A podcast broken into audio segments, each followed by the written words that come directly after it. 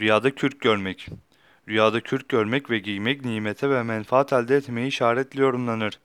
Bir kimsenin rüyada kış gününde kürk giydiğini görmesi, zenginliğe ve helal malı işaretli yorumlanır.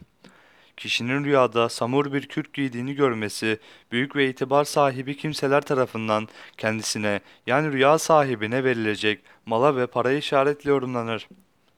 Bir kimsenin rüyasında hangi kürk olursa olsun kış gününde mevsiminde kürk giydiğini görmesi hayır ve menfaat ile yorumlanır.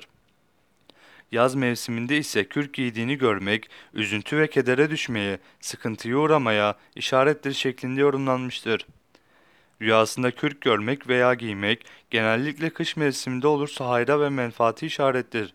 Yaz mevsiminde ise genellikle üzüntüye, kedere ve sıkıntıya düşmeye yorumlanmıştır.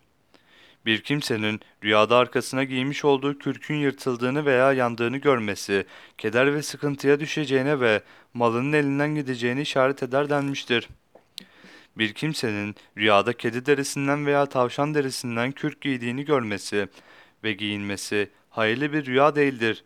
Bir kimsenin rüyasında tavşan derisinden kürk giydiğini görmesi, onun rızkının azalmasına ve maişetinin yani geçiminin daralacağını işarettir şeklinde yorumlamışlardır.